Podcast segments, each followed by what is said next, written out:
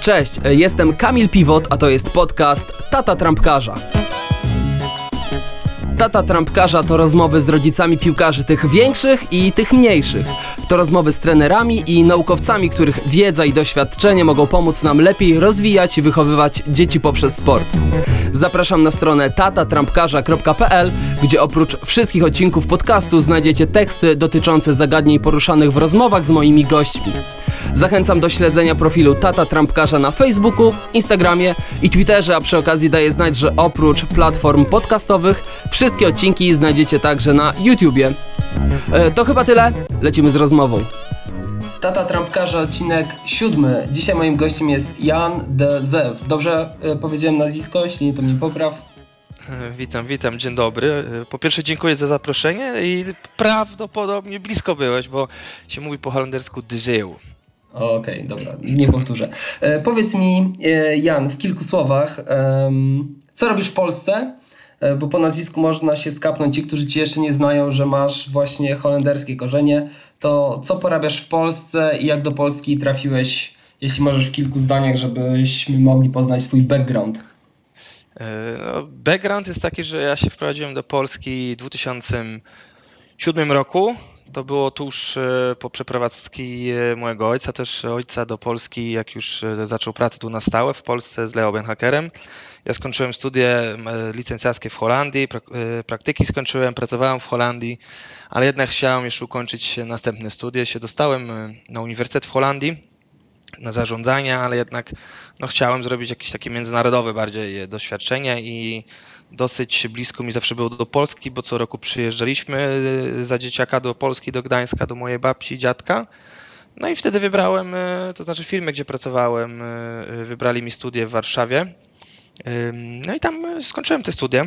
Dwa lata studiowałem. W trakcie tych studiów w 2008 miałem już pierwsze styczności z profesjonalną pracą w piłce nożnej w firmie Sport 5, gdzie robiłem w trakcie studiów praktyki. I tak e, miałem wrócić po dwóch latach studiów do Holandii, ale jednak praca mi się podobało, bardzo duży był rozwój sportu w Polsce i piłki nożnej, zwłaszcza i ten marketing sportowy. Budowaliśmy piękne stadiony w Polsce, więc chciałem być częścią e, tej rewolucji, nazwijmy to tak.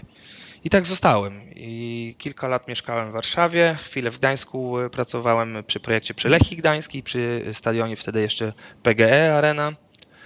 I na koniec y, zostałem w Warszawie znowu z 5-6 lat i od dwóch lat mieszkam y, związana zawsze z piłką nożną, później też trochę z siatkówką. W siatkówce pracowałem przy Oniko Warszawy projekcie, a obecnie zajmuję się projektem dużym IT dla jednej z największych korporacji w Holandii. I oprócz tego wprowadzam firmę izraelską WSC Sports, to jest firma, która używa sztuczną technologię do nagrywania e, skrótów na social media i do telewizji dla różnych e, eventów na żywo typu mecze piłkarskie. I mamy klientów tak jak Manchester United, Real Madrid, Liverpool. I teraz ja to wprowadzam na polski i holenderski rynek i, i mieszkam na Kaszubach i jest pięknie i planuję tutaj zostać. Super, idealny wstęp, wszystko o tobie wiadomo. Słuchaj, e, Chcę z Tobą porozmawiać o tym, ponieważ liczę na to, że e, będąc od jakiegoś czasu w Polsce, e, wiesz o tej polskiej piłce, szczególnie dziecięcej młodzieżowej, całkiem sporo, a jednocześnie mam pewną nadzieję, że utrzymujesz kontakty ze swoimi znajomymi z Holandii i wiesz, co tam się w, też w tych kategoriach dziecięco-młodzieżowych dzieje, no bo to są te rzeczy, które głównie poruszam i którymi się interesuję w tym podcaście. Um, zadałem, te, te, trochę odpowiedziałem sobie na pytanie. Pytanie e, było takie, czy o, interesujesz się w ogóle tą piłką dziecięcą, młodzieżową, zwracasz uwagę na, na, na takie rzeczy szkoleniowe? Yy, tak, też tutaj bardziej, yy, bardzo liczę na Ciebie, żebyś Ty mi trochę podpowiadał dzisiaj yy, o zmianach, które są w Polsce w, w piłce młodzieżowej. Na co dzień się tym bardzo interesuję. Mam też rodzinę, która na co dzień pracuje w piłce nożnej. Mój szwagier jest szkoleniowcem w Holandii. I od zawsze piłka była dla mnie wszystko i to grałem sam w piłkę od wieku 5 lat do 17 lat w Holandii w amators na amatorskim poziomie. I na co dzień też, nie codziennie, ale często jakieś praktyki załatwiam dla polskich trenerów, ale też również ściągam jak to tak powiedzieć, holenderskich szkoleniowców do Polski, żeby przeprowadzić na przykład szkolenia w Polsce, więc to bardzo mnie interesuje, bo no jednak moim zdaniem szkolenie w Holandii jest na takim poziomie, że warto też jakąś wymianę wiedzy i mam dostęp do tej wiedzy i do tych ludzi, więc próbuję to jakoś wykorzystać tutaj, będąc na miejscu. Świetnie. Mówisz bardzo dobrze po polsku, już tą polską pewnie trochę nasiąkłeś, e, ale pamiętasz, co było dla ciebie takim największym szokiem, w, kiedy się tu sprowadziłeś na stałe właśnie w tych kwestiach e, szkoleniowo-dziecięco-młodzieżowych? No to jest, y, jak ja się przeprowadziłem, y, mieszkałem y, w Warszawie na Żoliborzu i tak przez chwilę myślałem, nikogo nie znałem za bardzo w Warszawie. Miałem jednego powiedzmy opiekuna byłego prezesa Legii Warszawy, Marek Pietruszka, który mi pomagał tutaj się ogarnąć, tak powiedząc, w Warszawie. I tak się zastanawiałem, czy coś w piłce nie robić, bo jednak tyle lat w Holandii i byłem e, piłkarzem amatorskim, ale też tam jakieś treningi prowadziłem i mój ojciec to prowadził też, więc chciałem się gdzieś e, dostać, ale w Polsce jest, no nie, nie, ma takiej kultury e, amatorskiej piłki. To od razu odczuwałem, będąc na różnych treningach na Hutniku, na Marmoncie. I też kiedyś mój ojciec był sponsorem w Kartuzach, była drużyna trzecia ligowa. No i tu, tu, tu, tutaj po prostu brakowało takiej prawdziwej, typowej kultury amatorskiej piłki i, i, i zabawy, tak? Więc to było największe zaskoczenie yy, i różnica, co ja od razu zauważyłem w amatorskiej, powiedzmy w młodzieżowej piłce, tak? A czym ta kultura się przejawiała? Yy, czym się przejawia w Holandii? Yy, czego ci tutaj brakowało? Co, co, zwróciło twoją uwagę? No to też, Kamil, Pierwsze pytanie, które każdy trener, czy to mówię o trenera e, e, e, Lechii Gdańsk, czy, czy Górnika Zabrze, który jest ze mną na szkoleniu w Holandii, to ja zawsze, fajnie jest pokazywać ludziom treningu Ajaxu czy Feyenoordu, tak? ale co trener, powiedzmy U13 górnika się tam nauczy. Owszem, zobaczy i powie mi od razu, no panie Janie, panie Janie, ale my, my, my takie treningi też prowadzimy, to są te same moduły, które my mamy. No bo każdy ma teraz dostęp do tych treningów online i PZPN też udostępnia, Holenderski Związek udostępnia, ale jednak ja ich zawsze zabieram do amatorskich klubów y, i mówię tutaj o 100% amatorskich klubów i w mojej wiosce w Holandii, y, gdzie y, to wioska, tak, gdzie całe życie mieszkałem w Holandii, mój ojciec mieszkał, mój dziadek świętej pamięci i do dzisiaj moja siostra tam mieszka, mój szwagier tam pracuje i tam ich zabieram, żeby pokazywać, jak wygląda amatorska piłka, jak wygląda trening dziecięcy. I to jest klub, gdzie trenuje tysiąc dzieciaków. W miejscowości mieszka 3,5 tysiąca ludzi, więc to dużo mówi. I... Skąd tyle tych dzieci tam? No, no, właśnie to nie jest tak, że każdy tam ma po ośmiu dzieciaków w domu, tak? Y, ale y, klub jest na tyle, że klub został y, na tyle postawiony dobrze na nogach i, mogę być dumny z tego, że mój dziadek był pierwszy, który postawił ten klub na nogach. To jest tak, że ten klub został wybrany dwa razy pod rząd jako najlepszy amatorski klub w Holandii, więc w całych okolicach ludzie dojeżdżają. Więc dlatego jest tyle tych dzieciaków, ale tam ich zabieram. I zawsze, i to zawsze dostaję zapytanie trenerów, bo widzą, że tam trenerzy są, jest kantyna, która jest y, sercem klubu, gdzie rodzice piją kawę, dzieci jedzą frytki, no bo jednak te frytki jeszcze są, chociaż rząd próbuje walczyć z tym. I dostała na zawsze pytanie, Panie Janie, a ten pan, który kosi trawy, to ile on zarabia? A szwagier, który jest trenerem, ile zarabia? Ja mówię, no akurat szwagier ma tam jakiś zwrot kosztów, bo jest y, tam w wyższym szczeblu trenerem, ale reszta tych ludzi, i tu tam jest 60 osób, co sobotę, co wtorek czy środę, to są emeryci głównie, przychodzą, otwierają szatnie, sprzątają szatnie, odkurzają, koszą trawy. I tutaj jest duża różnica widać właśnie w takiej mentalności, bo y, w Holandii cały amatorski sport jest dźwignięty i polega na, na wolontariacie. I to jest bardzo duża, główna różnica kulturalna z, z różnymi krajami, ale zwłaszcza co ja widzę między Polską a Holandią. I to mi się wydaje, że to jest już taka pierwsza różnica, która e, jeżeli ktoś by chciał przenieść modele holenderskie do Polski, to od razu można powiedzieć, że stary to się nie uda, e, chociażby właśnie przez te ograniczenia kulturowe, że tam jest tam jest inna kultura, prawda? Tak, ale to też widzę, ja tutaj jeżdżę na Kaszubach po, po tych klubach amatorskich, które powiedzmy Radunia Stężyca, tak? Miałem kilkakrotnie, e, rozmawiałem z, z panem burmistrzem, tam są ogromne pieniądze włożone. Ja mam swój inny pomysł na taki klub, bo moim zdaniem e, nie ma sensu w takiej miejscowości próbować zbudować profesjonalnego klubu. Ale to jest główna różnica i tutaj ciężko jest może i też tutaj nie możemy zawsze się zasłaniać w Polsce, że no tak, panie Janie, albo tak, Janek, ale w Holandii ktoś zarabia o wiele więcej, więc stać, stać jemu na wolontariat wieczorem.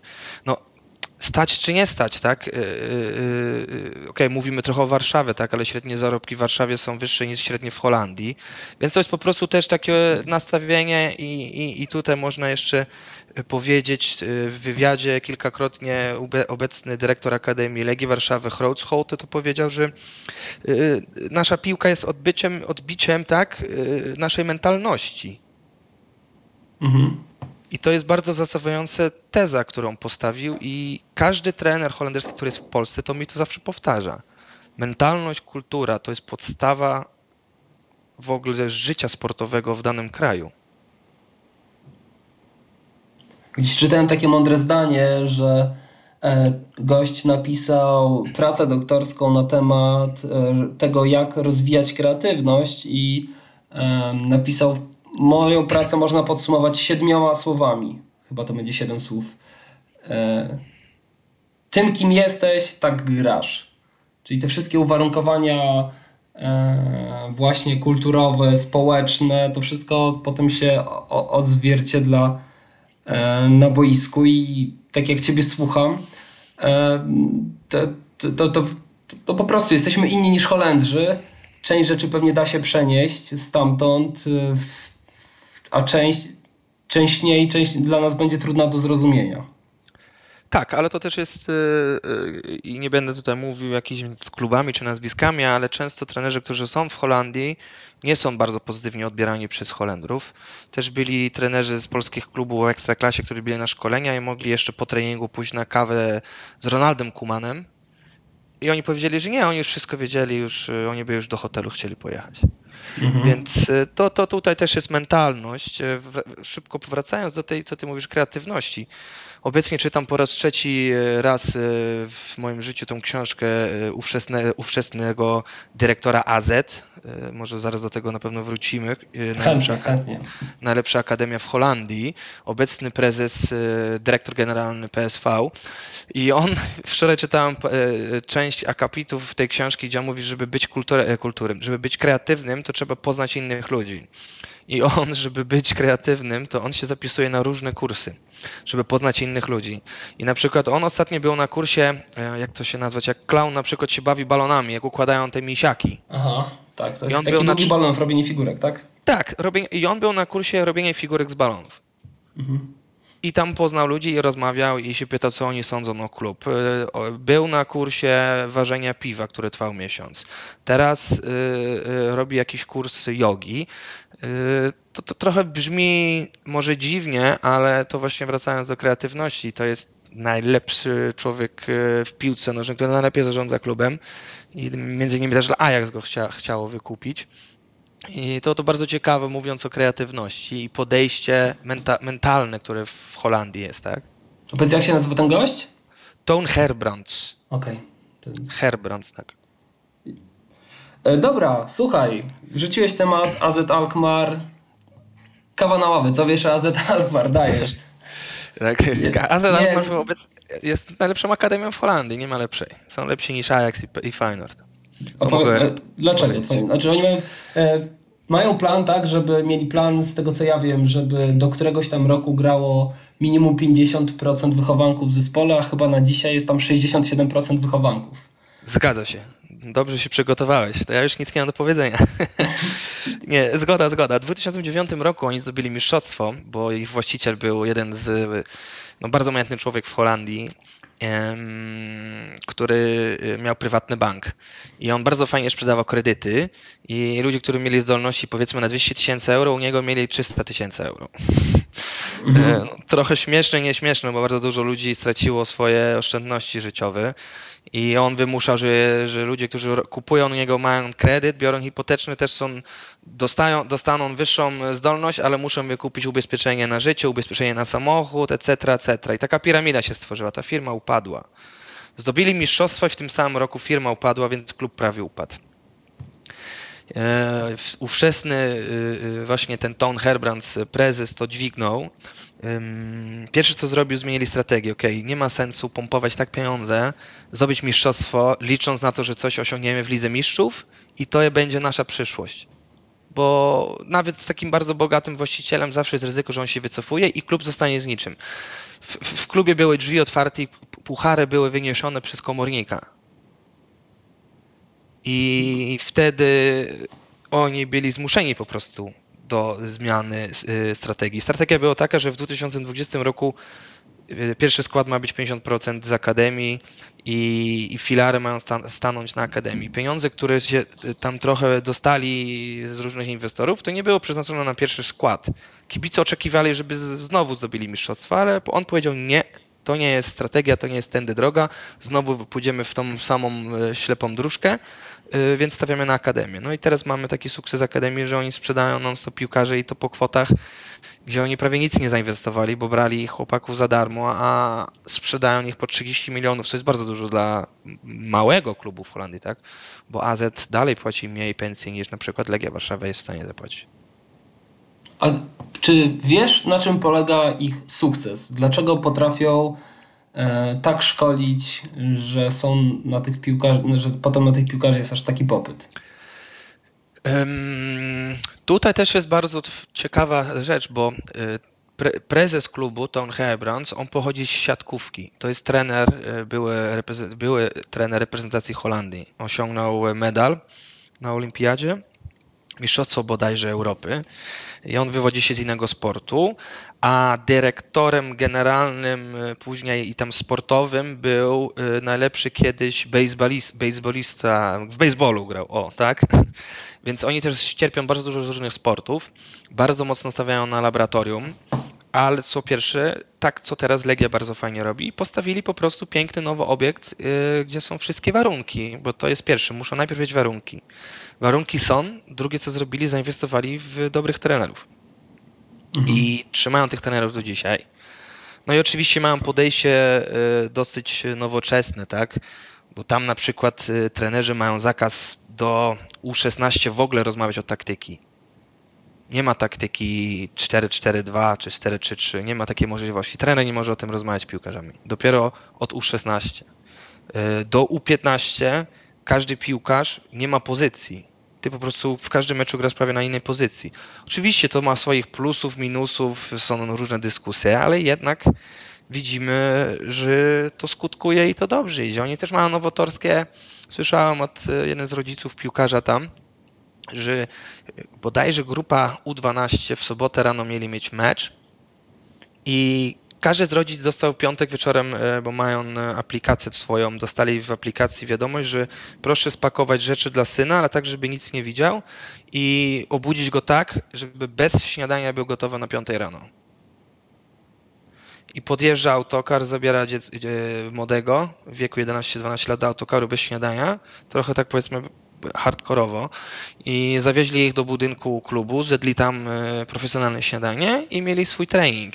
I robią takie różne triki, które owszem też w Polsce niektóre kluby robią, ale jednak to są takie rzeczy inne, które wyciągają dzieci z swojego comfort zone'u, tak?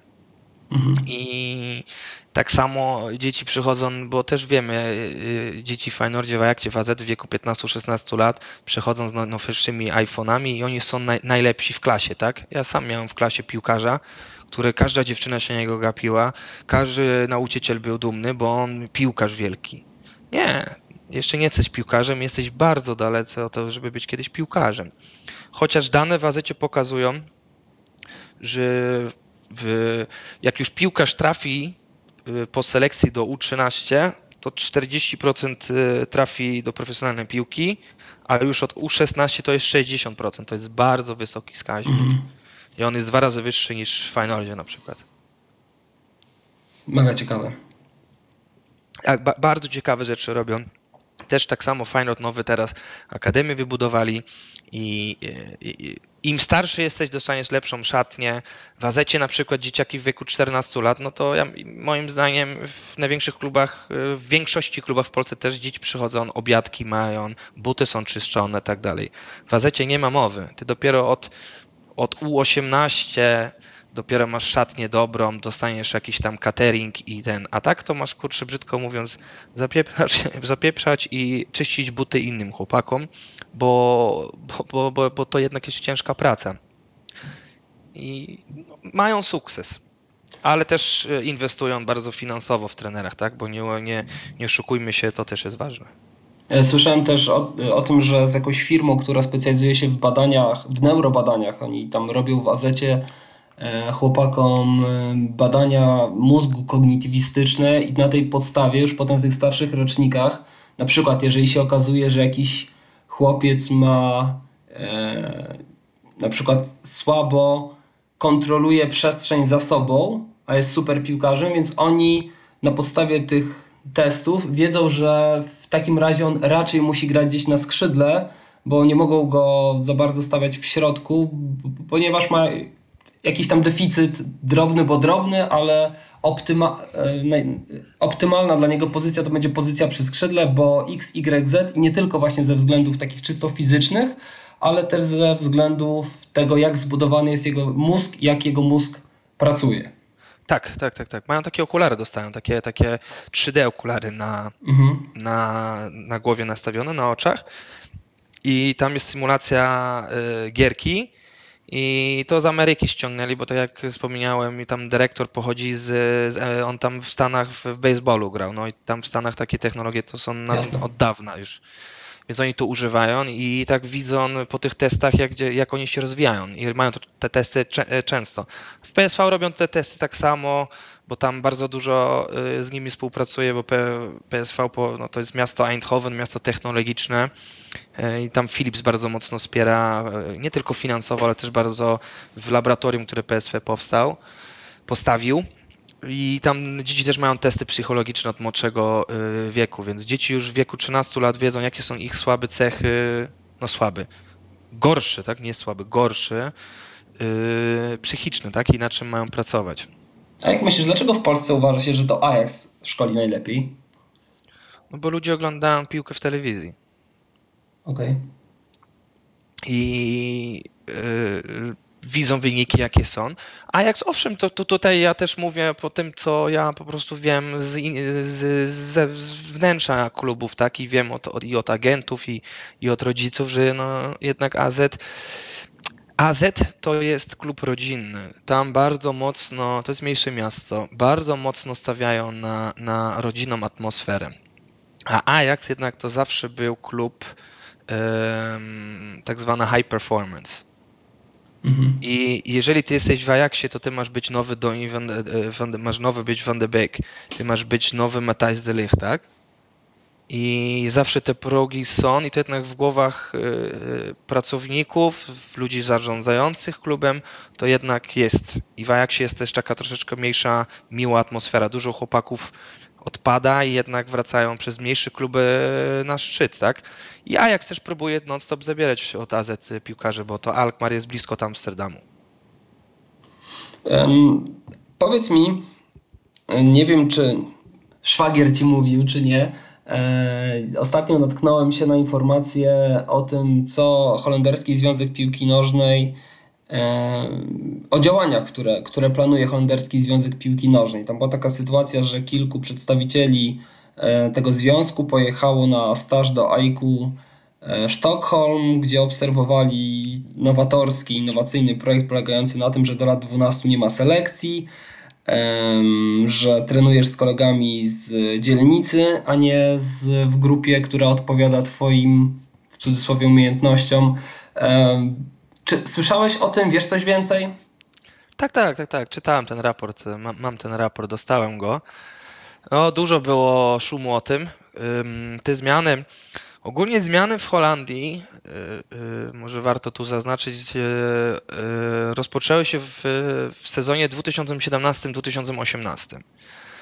I cel głównym tych zmian było, żeby w piłce było więcej fanu dla dzieci. Bo coraz mniej, bo dzieci mają teraz w dzisiejszych czasach, tak? Bo w piłce nożnej są najważniejsze dzieci, tak? Tutaj mówimy o kibicach i o piłkarzach, ale wszystko się zaczyna na dole, od dzieciaków. I tutaj co dziecko chce? Chce fan. Dziecko gra na, play, na PlayStation, bo to jest zabawa. Dziecko jeździ na elektrycznym hulajnogę, bo to jest zabawa. A chociaż mamy coraz bardziej, zwłaszcza z obecnymi e, dziećmi, problem, żeby ich e, wysłać powiedzmy na boisko. Więc cel tego, tych zmian jest, żeby było więcej fanu, tak? A więcej fan to znaczy więcej kontaktów z piłką. E, co do tego dążyło, że co zrobił związek, zmniejszyli w ogóle wszystkie nastawienie i ustawienie w piłce nożnej, tak? I, I, możemy zaraz wrócić, bo mam tutaj, mam je w głowie, jakie są zmiany, bo na przykład w U6 kiedyś to się już grało też w lidze. Mhm. Oni tam się tylko bawili, ale też liga była. W ogóle w Holandii nie ma ligi, od, do U9 nie ma lig. Po prostu to jest wewnętrzne e, gierki. Przychodzisz do klubu, przychodzi 50 dzieciaków, raz grasz w czerwonej drużynie, raz w niebieskiej. I tam owszem jest jakiś trener, y, niekoniecznie musi mieć dyplom, ale może mieć UEFA C dyplom, ale to raczej rodzic. I dzieci się bawią. Grają gierki 2 na 2, brak ligi albo 4 na 4, oby była zabawa. I oni tak mają powiedzmy w sobotę mecz, ale nazwijmy po prostu mamy dwie jednostki treningowe, tak? W środę zawsze, bo szkoły w środę w Holandii się kończą wcześniej, ogólnie tak koło pierwszej, więc od w środy w Holandii, jak wejdziesz do każdego miasta, to widzisz setki y, dzieciaków na, na boisku. Całą środę, od 13 do 18. Środy są właśnie dla dzieciaków, do powiedzmy U12. Super. A od U7 się zaczyna grać 4 na 4 co kiedyś było 7 na 7 więc zobacz jakie są mhm. zmiany. 4 na 4 albo 7 na 7 I te zmiany spowodowało tak, że no, masz mniej piłkarzy y, y, na boisku, więc więcej piłek, tak? Więcej dotykasz piłki. Ja sam jak grałem w piłkę, to nieraz przez trening nie dotknęłeś piłkę, no to to nie jest zabawa dla dzieciaków i takie dziecko się zaczyna nudzić. Mhm. I to jest ważne właśnie ten, ten okres przy U7 już zaczynają robić turnieje wewnątrz klubu. Więc e, też tam są podzielone drużyny, ale tu już można wygrać jakiś puchar, powiedzmy, jakieś tam zabawy. Tu już mają poznać prawdziwą piłkę od U7. Później wchodzimy w ten okres U8 do U10 i tam gramy 6 na 6. Kiedyś to było 7 na 7 albo 8 na 8.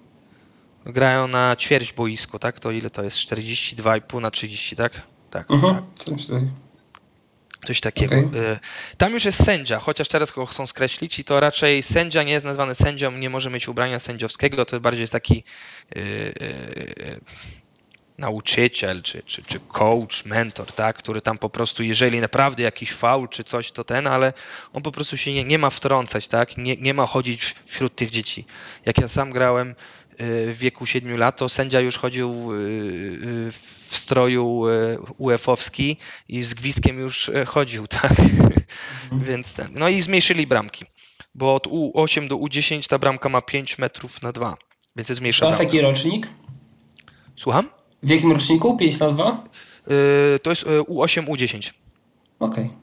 Wiesz co, w Polsce jest pozytywnie, znaczy podobnie z tego co, bo orientuje się na bieżąco mój syn. U, o, poczekaj, U8, U9 się gra po 5 na bramki 3 na 1,5, czyli jeszcze mniejsze. A, to dobrze. A od U10, U10, U11 tak zwana kategoria Orlik gra się na takim boisku zwykłym orlikowym. Tutaj są już bramki 2 na 5 i gra się po 7. Jest bramkarz? Jest e, bramkarz. Tak, 6 plus 1, no. Tak, tak, tak. Tutaj też dopiero wchodzi też w Holandii w grę bramkarz, e, chociaż nakreślone, żeby jednak ten bramkarz był piłkarzem, a nie bramkarzem, tak, żeby jednak grał. I oczywiście mhm. tutaj grają na dwa, dwa razy po 20 minut. No i do, tych, do tego wieku, tak, do, do U10 nie mamy w ogóle auta, tak? Aut robimy driblingiem. To tak, też jest tutaj. Tak, tak, tak. To, to jest bardzo, bardzo, bardzo dobre bo nieraz dziecko po prostu tylko chce rzucić autem, bo nie potrafi kopnąć nogą i woli rzucać piłką. No mhm. i te ostatnie zmiany to U11, U12 to jest 8 na 8 już pół boiska i e, tam już jest sędzia i też już te, wtedy już mamy takie ligi już e, profesjonalne. Ale te ostatnie zmiany, które ty powiedziałeś, to najważniejsza część jest, że w Holandii jest tyle tych klubów amatorskich, tak? Bo ich jest 2,5 tysiąca. W, w kraju, gdzie mieszka niecałe 17 milionów ludzi, masz milion trzysta tysięcy piłkarzy. mhm. które w każdą w sobotę i w niedzielę grają w piłce nożnej, w piłkę nożną, tak, amatorską. Więc tych lig jest dużo. Więc często masz na przykład y, y, y, córka mojej siostry, ona gra w, grała w lidze, że przegrywa co każdy mecz 11-0, a to jest dopiero jej pierwszy sezon w grania w piłki, więc ona po pół roku mówi, mama, ja nie chcę iść na piłkę, bo znowu przegram, znowu będziemy wszyscy płakać. Tak? Tu mhm. nie ma żadnego fanu. Więc co związek chce zmienić, chociaż koronawirus to trochę no, blokuje te, te, te zmiany, to jest, że nie gramy sezon pół na pół, tak? tam wiosna, jesień, jesień, wiosna, tylko gramy cztery części. I po każdej tych, tam jest 24 mecze i po każdej z sześciu meczach robimy weryfikację ligi i sprawdzamy, czy tam nie ma jakichś dużo różności wszelanych, wszczelonych bramek, czy nie ma jakiejś drużyny, która jest za dobra. I na przykład u siostry mojego szwagra, ona przegrywa wszystkie mecze, to wyciągnęli ich z tej, z tej, z tej ligi u niej w regionie i włożyli do innej ligi, no i teraz tam czasami coś wygrywa. Więc to jest bardzo ważna zmiana, która y, jest pozytywnie odebrana. No a druga zmiana y, to jednak jest bez y, tabeli, bez wyników, ogłoszenia wyników przez związku do U12 i to dużo ludzi no jednak nie, polubiło, tak? Selekcjoner Holandii Ronald Koeman powiedział, że no, dla niego to no, powiedzmy trochę głupota, Willem van Hanegem się wypowiadał, za Ajaxu ludzie się wypowiadali, bo jednak no, piłk, jak ktoś kiedyś był piłkarzem zawodowym, to on ma jednak, jak to piłka zawsze chce wygrywać. Sportowiec ma to w genach, że chce wygrywać, więc oni komentują to negatywnie, chociaż pro, e, profesjonaliści, to mówię o profesorze, ludzie, którzy się znają na mózg dziecięcy, to mówią, że jednak do tego wieku to nie jest aż takie ważne dla dzieci bo on i tak wygra w sobotę, bo wie, że strzelił cztery bramki, ale to upublikowanie wyników na tablicach, e, w aplikacji telefonów, rodzice, które napędzają, bo jednak przy tym wieku U12 to rodzice już stoją i krzyczą, tak? Więc ta zmiana jeszcze, no jest, to nie jest, jeszcze nie jest sklepnięte. Okej. Okay. powiem Ci, jak to wygląda u nas w Mazowieckim Związku tak. Piłki Nożnej.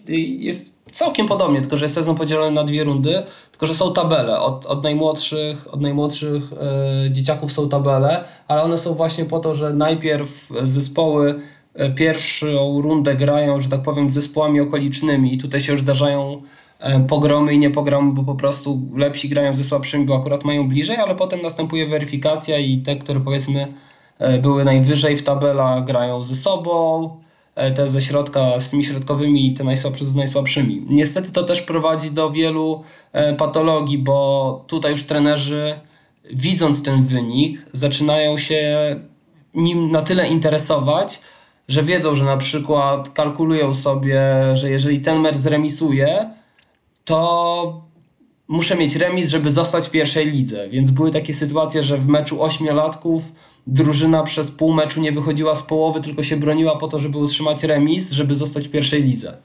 Takiego e... trenera trzeba od razu zwolnić i zebrać papiery. Chyba, że to jest jego szkółka. jest właścicielem. To szkółkę zamknąć. Wtedy jest. Nie, ale oczywiście ma to swoje zalety, tak jak o tym tak. opowiada, że, że na, oczywiście pewnie najfajniej byłoby, gdyby trenerzy uczciwie potrafili, nie wiem, w pięciostopniowej skali ocenić poziom swojego zespołu i wtedy ale tu, tutaj Kamil, sorry, że ci przerywam. Tutaj, e, tak jak ty opowiadasz, to w Holandii mamy też takie sytuacje, ale mm, to dla kogo trener kto jest dla, dla, dla niego punktem wyjściem? On sam. On sam bo on nie patrzy na dziecko, bo co, co twój syn, czy, czy, czy, czy mój syn w przyszłości, tak, będzie miał z tego, tak? On musi się po prostu bawić, musi się rozwinąć. Te wyniki kiedyś przyjdą. A za dużo często, za dużo trenerzy mówią, no byłem na turnieju. Ja, y, y, y jeden ze sponsorów, właścicieli Feynordu co roku funduje dla, dla drużyny z Krakowi przyjazd grając w Holandii z Feynordem i z różnymi to jest akademia z, z Krakowa. I ja dzwonię wieczorem i mówię, no i jak? Wygraliśmy wszystkie mecze. A ja mówię, ale fajnie było? No, bo wiesz, tam taki jeden chłopak nasz grał, to wiesz, naprawdę oni muszą go tutaj zobaczyć, a tutaj mówimy o dzieciaku wieku 8-9 lat. Więc mhm. tutaj właśnie to jest to nastawienie trenera, które jest bardzo ważne i, i taki trener, jak ma taki powiedzmy nastawienie, taki mindset, on by nigdy w życiu nie mógł pracować w takiej grup, wiekowej grupie, w, w Ajaxie, czy w Feyenoordzie, czy w PSV. Jasne. Słuchaj, a powiedz mi, jak się odniesiesz do tego, zalecenia e, holenderskiego Związku Piłki Nożnej, który mówi o tym, że e, ten dół piramidy musi być e, jak najszerszy, że musimy jak naj, tak mówi związek, jak najwięcej, jak najdłużej, jak najlepiej. A co za tym idzie, żeby właśnie dawać dzieciakom jak najwięcej frajdy, nie wybierać na tych lepszych i na gorszych, niech sobie grają z kolegami. Jak ty się do tego odnosisz? Bo w ostatnim odcinku podcastu też rozmawiałem z Pawłem Guziejko. Mm, często mówi się o tym, że najlepsi powinni trenować z najlepszymi, co czasami e, doprowadza do sytuacji, że no nie wiem, przychodzą dwóch kolegów przychodzi do klubu na testy, mieszkają obok siebie, no ale jeden okazuje się, że jest lepszy i nie mogą trenować ze sobą, a mają tam 8 lat. To jest bardzo ciekawe i, i to jest bardzo ciekawy temat i myślę, że niejedno ciekawe badanie będzie prowadzone w, w, tym kontekście, bo no podam przykład, tak? Stefan de Vrij, e, ja z nim grałem w piłkę, to znaczy ja go trenowałem kiedyś u nas bez papierów, normalnie, tak? E, jako zabawa, a jednak e, został bardzo dobrym obrońcą, tak? Bo trenował w amatorskim klubie, a jednak został piłkarzem. No, w Ajaxie też mówią o tym, że jednak do wieku 12 lat i w Feyenoordzie miałem tą samą filozofię i w Azecie też, tutaj jest najważniejsza ta frajda. I jak już robimy selekcję w tym wieku, gdzie dzieci jeszcze rosną, Wiesz, dziecko do wieku 12 lat, wczoraj wieczorem jeszcze prowadziłem długą rozmowę z byłym trenerem Lechii Gdańsk, Ricardo Moniz, który kiedyś był odpowiedzialny za szkółkę Red Bulla, jak ta powstała.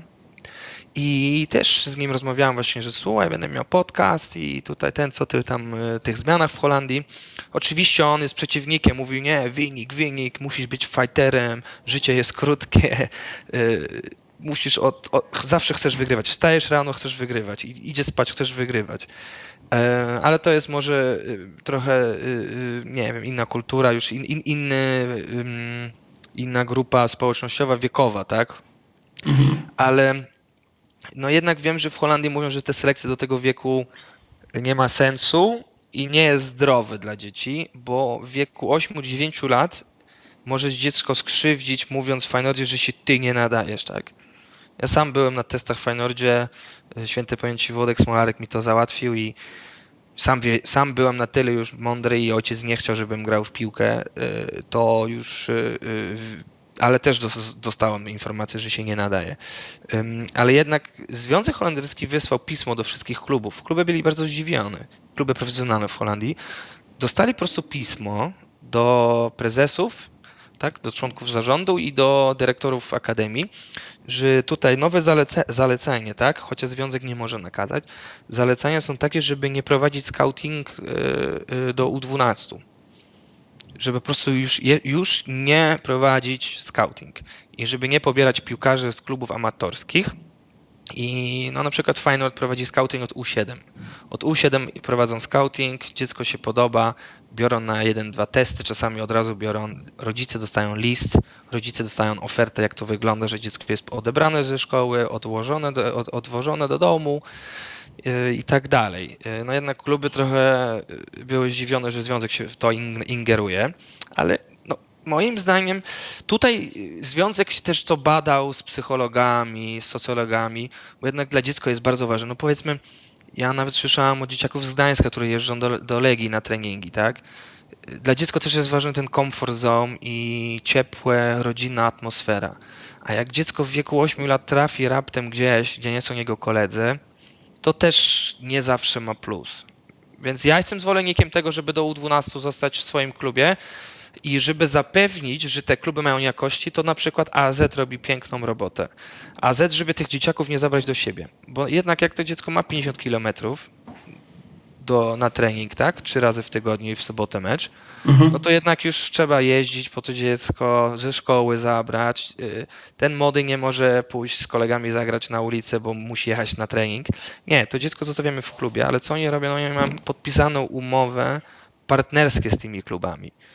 Co to oznacza, tak? Na przykład y, Legia to też podobny jakiś taki model ma, chociaż bardziej skomercjalizowany ale AZ ma podpisane umowy z różnymi klubami i oni wysyłają swoich trenerów profesjonalnych, żeby edukować trenerów na miejscu.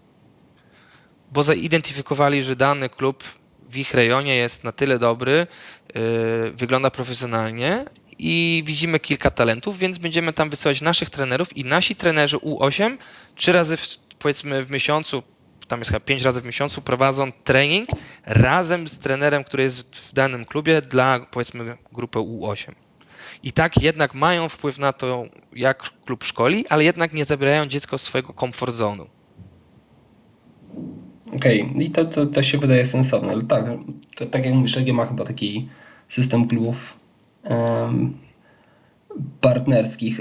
Um, kluby, które, mm, szczególnie te największe akademie, z tego co słyszałem, boją się odpuścić tego scoutingu, bo tam napędzają się nawzajem, e, po prostu bojąc się, że jeżeli my tego chłopca nie zgarniemy, to ktoś nam zgarnie go wcześniej. Podobno dochodziło do, do takich sytuacji, że jeżeli już masz mieć powiedzmy drużynę U7 w takim Feynordzie, no to skądś tych chłopców musisz wziąć, więc na dobrą sprawę to już zaczynasz wysyłać scoutów na mecze 5 i 6 latków, tak. żeby na start drużyny U7 mieć już e, dobrą pakę. A ty byś wysłał własnego syna, no, jak ma 7 lat, 30 e, km na trening do profesjonalnego klubu, jak ma swoich kolegów z klasy, które grają w klubie u siebie. Nie wiem. Wiesz co, no, elementem tego podcastu jest też edukacja rodziców. Myślę, że są rodzice, którzy są jakimiś mega kibicami i wpatrzeni w brand, nie wiem, Legia, ale... E, Feyenoord, Ajax, mogą, mogą się na to pokusić. Moim zdaniem jest to tak, oczywiście Ale to sensu. rodzic myśli o sobie, nie myśli o dziecku. Dużo Dokładnie. rodziców myśli o sobie, bo sami nie mogli grać w piłkę albo nie potrafili, nie mieli tych warunków, bo jednak w Polsce piłka nie jest tania, tak? Yy, bo ja widzę też kółki profesjonalne różnych y, klubów. Ja, to dla mnie nie są profesjonalne kluby, po prostu możemy jutro, Kamil, zainwestować razem y, jakieś pieniądze, 100 y, tysięcy euro i my będziemy mieli akademię swoją pod szyldem jakiegoś profesjonalnego klubu. To jest do załatwienia w parę tygodni. I my będziemy robić model biznesowy i my będziemy na tym zarabiać. I nasz, nasz, nasza strategia, nasza misja będzie, że Kamil, my sobie będziemy zarabiać na to, że tu będzie FC Twente Akademia. Mhm. I, I to jest punkt wyjścia, strategia, wizja, która jest najważniejsza. I to też rodzice tak mówią, tak? No bo ostatnio też y, rodzic jakiś do mnie zadzwonił, że jego syn w piłkę tak dalej, 9 lat i by chciał do Holandii. A mówię, a pan mieszka w Holandii? Nie, nie, nie, mieszkamy w, Sopocie. Mówię, no to niech pan mieszka w Sopocie, ja mogę wysłać panu tutaj kontakt do trenerów w Gdańsku, pan zapisze trener, ale jak pan chce do Holandii, to pan nie chce gdzieś zadzwoni, przepraszam, no bo to dla mnie, to jest dla mnie patologia. Czytałem chyba w wywiadzie z tobą na weszło, to chyba podawałeś przykład Escoli, że kiedy Escola się pojawiła, to tam było szaleństwo, bo wszyscy rodzice chcieli mieć dziecko w Barcelonie, w Warszawie i okolicach. To jest do dzisiaj, chociaż yy, yy, pan prezes ma bardzo fajne podejście, trochę poczytałem ostatnio, jednak dobrą robotę robi. Tak, tak. Bo to też trzeba dodać, że postawić klub w Polsce bez dużych sponsorów i robić jednak wyniki sportowe też, bo też w tych grupach starszych, starszych mówię, no to, to, to jednak trzeba mu yy, powiedzieć, że dobrą robotę robię i, i, to trzeba przyznać. No ale to, to, to no takich akademii nie ma w Holandii, tak na przykład, takich yy, pseudo-akademii, bo w Gdańsku też kilka ich było, ja nie wiem, były jakieś Juventusy, jakieś różne, ja nie wiem, czy to dzisiaj są.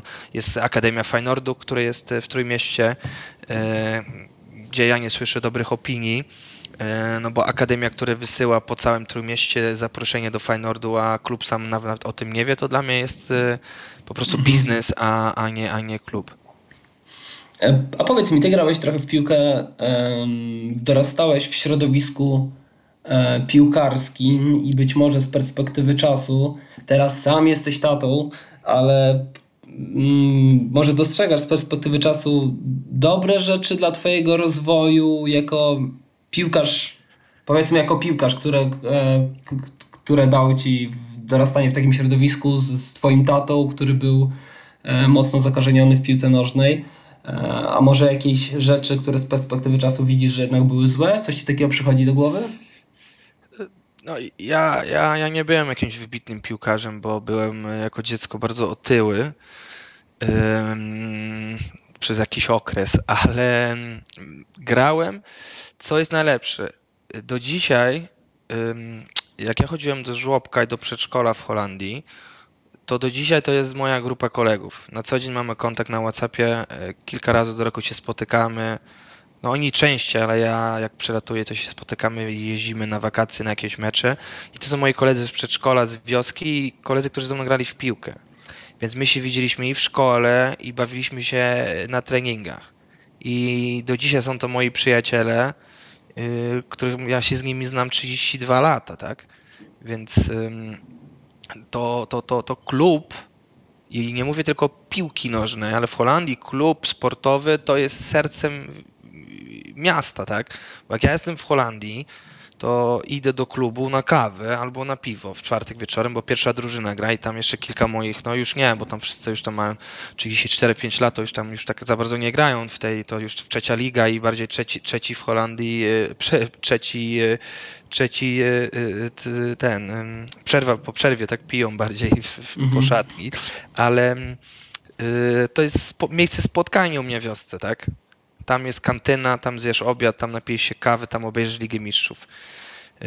Ja, ja, ja po prostu, no ja miałem możliwości, bo moim trenerem był Tomek Iwan, moim trenerem był Jurek Dudek, był Tomek Rząca, bo oni pomagali u nas w wiosce.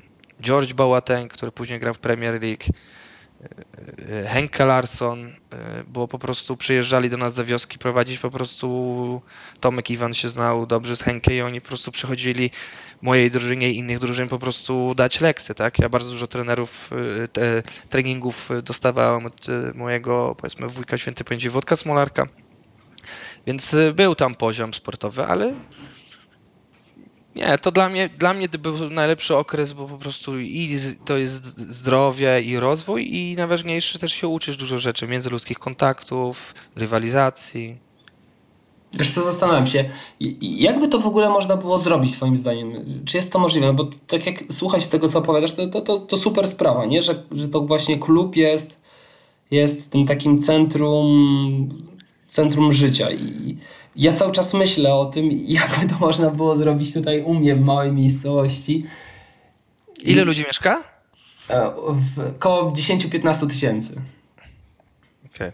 No i No to, to w Holandii to byś już, to, to, to, to, to w Holandii byś już miał 3-4 takie kluby amatorskie. No, Mhm. 2-3 na pewno. Tak. To pytanie to mnie męczy już e, 12 lat, a mojemu ojcu już męczy 40 lat. Mhm. I nie jesteśmy w stanie wejść do wniosku. Kurczę, nie chciałbym za bardzo o polityki rozmawiać, chociaż pozwolę sobie na to, Kamil, bo nie będę tu Jasne. mówił, kogo wybieramy, ale ja ostatnio miałem możliwość e, brania udziału w zajęciach e, od e, dobrego profesora z marketingu, bardziej, zwłaszcza piłki nożnej, Simon Chetwick, profesor Simon Chetwick z, z Anglii. I on e, opowiadał, tak, co bardziej napędza, sport polityką czy politykę sport? I on y, tłumaczył na zajęciach właśnie rola y, w Azji, roli, rola polityki w sporcie. Zobacz, prezydent Chiny sobie postanowił, że chce być kiedyś największym krajem piłkarskim i robi wszystko w tym kierunku. I Chińczycy Mhm. kupują kluby na potęgę, Saudi Arabia to samo.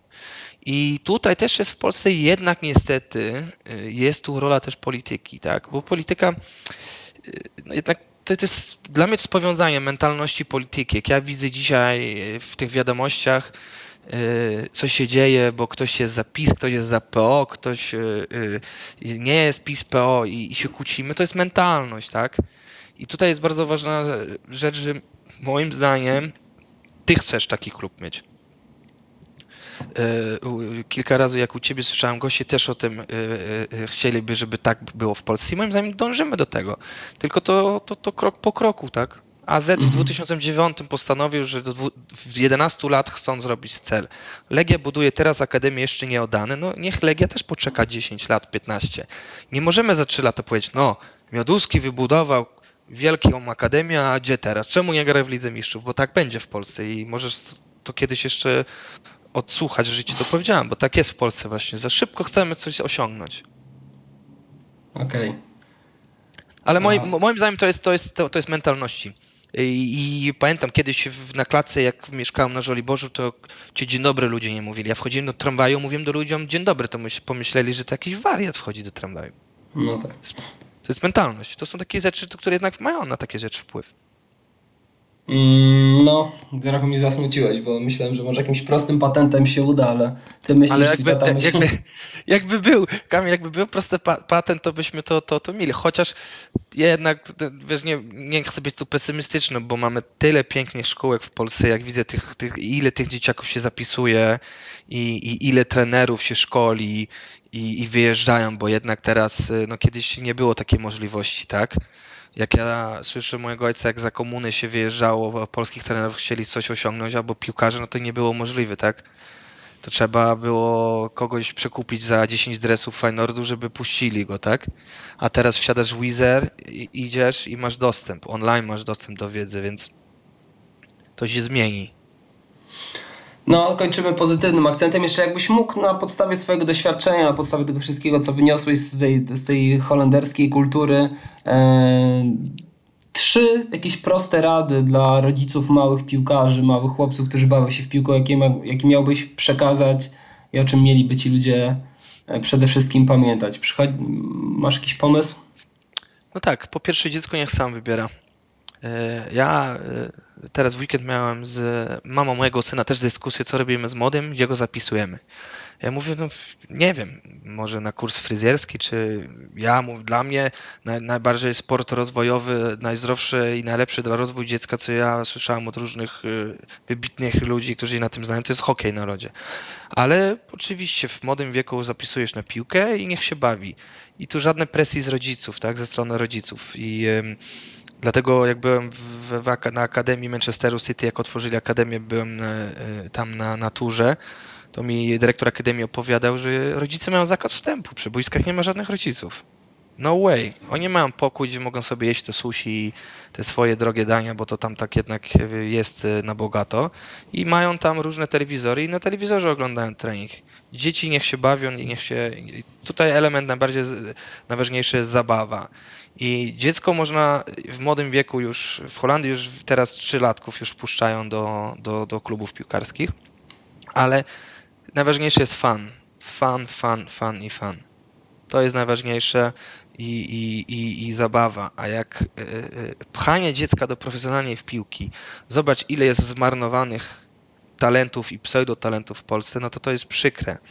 Y, Po drugie, zawsze stawiać naukę nad piłką nożną albo innym sportem, bo, bo y, y, dzi- dzi- życie jest dziwne. Koronawirus to pokazuje, a jednak papier y, więcej daje niż dwie średnie lewy, lewy stopy, tak? Mhm. Tak ja mam zdanie. W Holandii widzimy też, dzieci odchodzą od piłki. W Holandii największy spadek jest w grupach U13, U15, tak? Prawie do 10%. Dlaczego? Pytanie, pytanie Kamil, do ciebie. Dlaczego jest największy spadek zapisanych piłkarzy amatorskich w tym Ja wieku? myślę, że po pierwsze zwiększa liczba treningów, e, w związku z czym przestaje być to dla nich frajdą, trenowanie tak długo. Poza tym, nie wiem, może jakoś re, realnie oceniają swoje możliwości czują, że nie będą piłkarzami ich marzenia. No mają ja też nie po wiem. prostu. No. Nie wiem. Ja czytałem to i też ktoś mi powiedział ze Związku Holenderskiej Piłki Nożnej, że to jednak tutaj dziecko już sam może decydować. Bo 13-14 latek powie, że nie tata, nie chcę grać, nie idę. Mhm. Dziewięciolatka, dziesięciolatka zmusisz, tak? Więc to też ponoć jest element i tak jak mówisz, to jest właśnie ta grupa, gdzie wchodzi komórka, PlayStation, skuterek powiedzmy, więc to, to też jest y, y, y, y, y, i też ryzyko, że rodzice pchają, więc no tak, co można dać radom rodzicom, żeby to był element i żeby, żeby nie myśleć od młodego wieku, że to będzie nowy Lewandowski, bo jednak w Polsce pchamy za bardzo od razu do profesjonalnej piłki i to jest największy y, problem polskiej piłki nożnej. To nie są finanse, to nie są stadiony, to nie są ludzie, którzy zarządzają, bo coraz bardziej więcej mamy bardzo dobrych ludzi y, w polskiej piłce, którzy są po różnych dyplomach i NBA-ach, nawet w Liverpoolu powiedzmy, ale to jest y, brak amatorskiej piłki. W Polsce czwarta, czwarty ligowy, trze, trzeci ligowy klub już chce być profesjonalny i już dzieci w wieku 17 lat już by chcieli mieć umowę. Taki piłkarz w Holandii to by nigdy by nie został piłkarzem profesjonalnym. Więc brak amatorskiej piłki nożnej to jest największy problem właśnie moim zdaniem polskiej piłki. Okej, Su super. Jan, bardzo Ci dziękuję. Bardzo dużo tutaj ciekawych myśli przemyciłeś i Y, Myślę, że nie wyczerpaliśmy tematu. Ja pewnie jeszcze za jakiś czas się do ciebie odezwę. Mam nadzieję, że dogramy e, powtórkę. Zobaczymy za te trzy lata, jak Legii nie będzie szło w Lidze Mistrzów, to, to pogadamy znowu i się zapytam, czy znasz kogoś, kto mówił, że za trzy lata Legia nie wejdzie. To powiesz, tak, to ja. Tak Może jak mówiłem. zagrają w półfinał, to nie odbiorę telefonu od ciebie, ale nie, to, to trzeba, akademia to trzeba 10-15 lat poczekać i owszem wcześniej, wiesz, bo, bo też dziecko nie wyszkolisz w trzech lat, tak, więc tutaj Jasne. musimy mieć cierpliwi, mamy, mamy wszystkie warunki w Polsce, więc tylko zmiana mentalności, spokój i, i, i, i zabawa, frajda dla dzieci, wszystko będzie dobrze, bo, bo na, na, to, na to Polsce stać i to widać w innych sportach.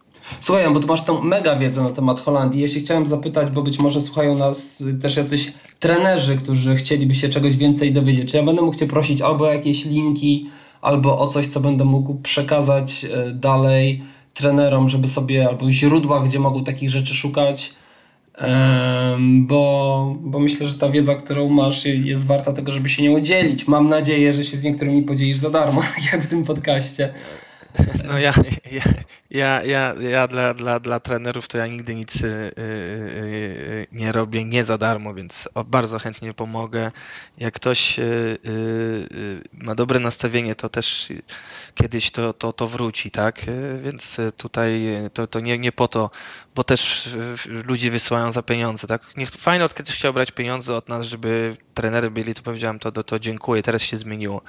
Ja sprawdzę, co ja mam w, w, w angielskim języku, bo to dużo niestety jest też w, no, niderlandzko, tak, języczne Mhm. wszystkie dokumenty. I aplikacja, które Holenderski Związek Piłki Nożnej ma niestety tylko obecnie jest w języku holenderskim, ale sprawdzę i to będziemy w kontakcie, Kamil, i bardzo chętnie, chętnie słuchaczom się wtedy podzielę i gdzieś to pod linkach wrzucimy różne materiały. Super. To był siódmy odcinek podcastu Tata Trampkarza. Jan, bardzo Ci dziękuję za rozmowę. Dziękuję bardzo. Do usłyszenia. Cześć. Do usłyszenia.